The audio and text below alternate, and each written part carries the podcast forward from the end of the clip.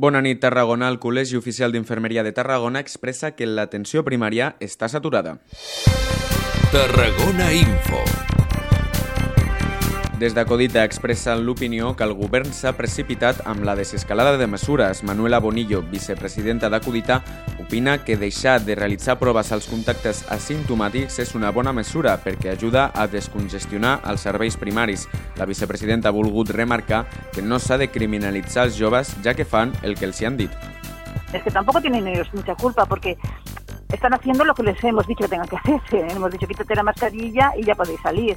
Entonces, creemos que se tiene que volver a, recuperar estas restricciones, volver a ponerse la mascarilla eh, incluso en la calle.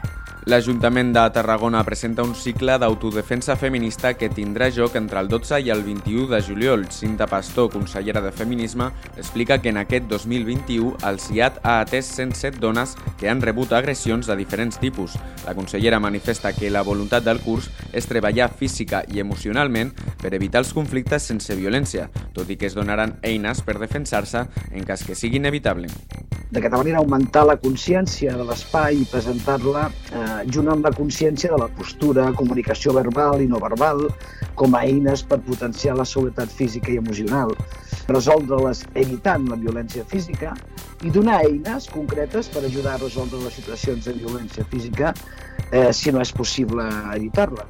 En esports, el Nàstic de Tarragona presenta la campanya d'abonaments 2021-2022 amb considerables rebaixes per la tornada al públic al nou estadi.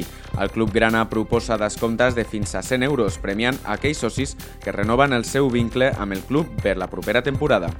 Precisament avui ha passat Manuela Bonillo, vicepresidenta de Codita, pels micròfons de carrer Major, assenyalant que els tests d'antígens s'estan donant una falsa seguretat. Paula Jansà ens ha parlat sobre la massificació del turisme en espais naturals, arran de la polèmica denunciar de GPEC per la construcció de pàrquings a platges del Delta de l'Ebre. Elena Moreno, vocal d'òptica del Col·legi Oficial de Farmacèutics de Tarragona, ens parla de la importància de protegir els nostres ulls de la radiació solar mitjançant ulleres homologades. En un nou episodi de Farmacèutics TGN, el podcast del COFT a Radio Ciutat de Tarragona. Tot això i molt més a la nostra pàgina web. Segueix-nos a les nostres xarxes socials, Facebook, Twitter i Instagram i descarrega't la nostra aplicació per iPhone i Android.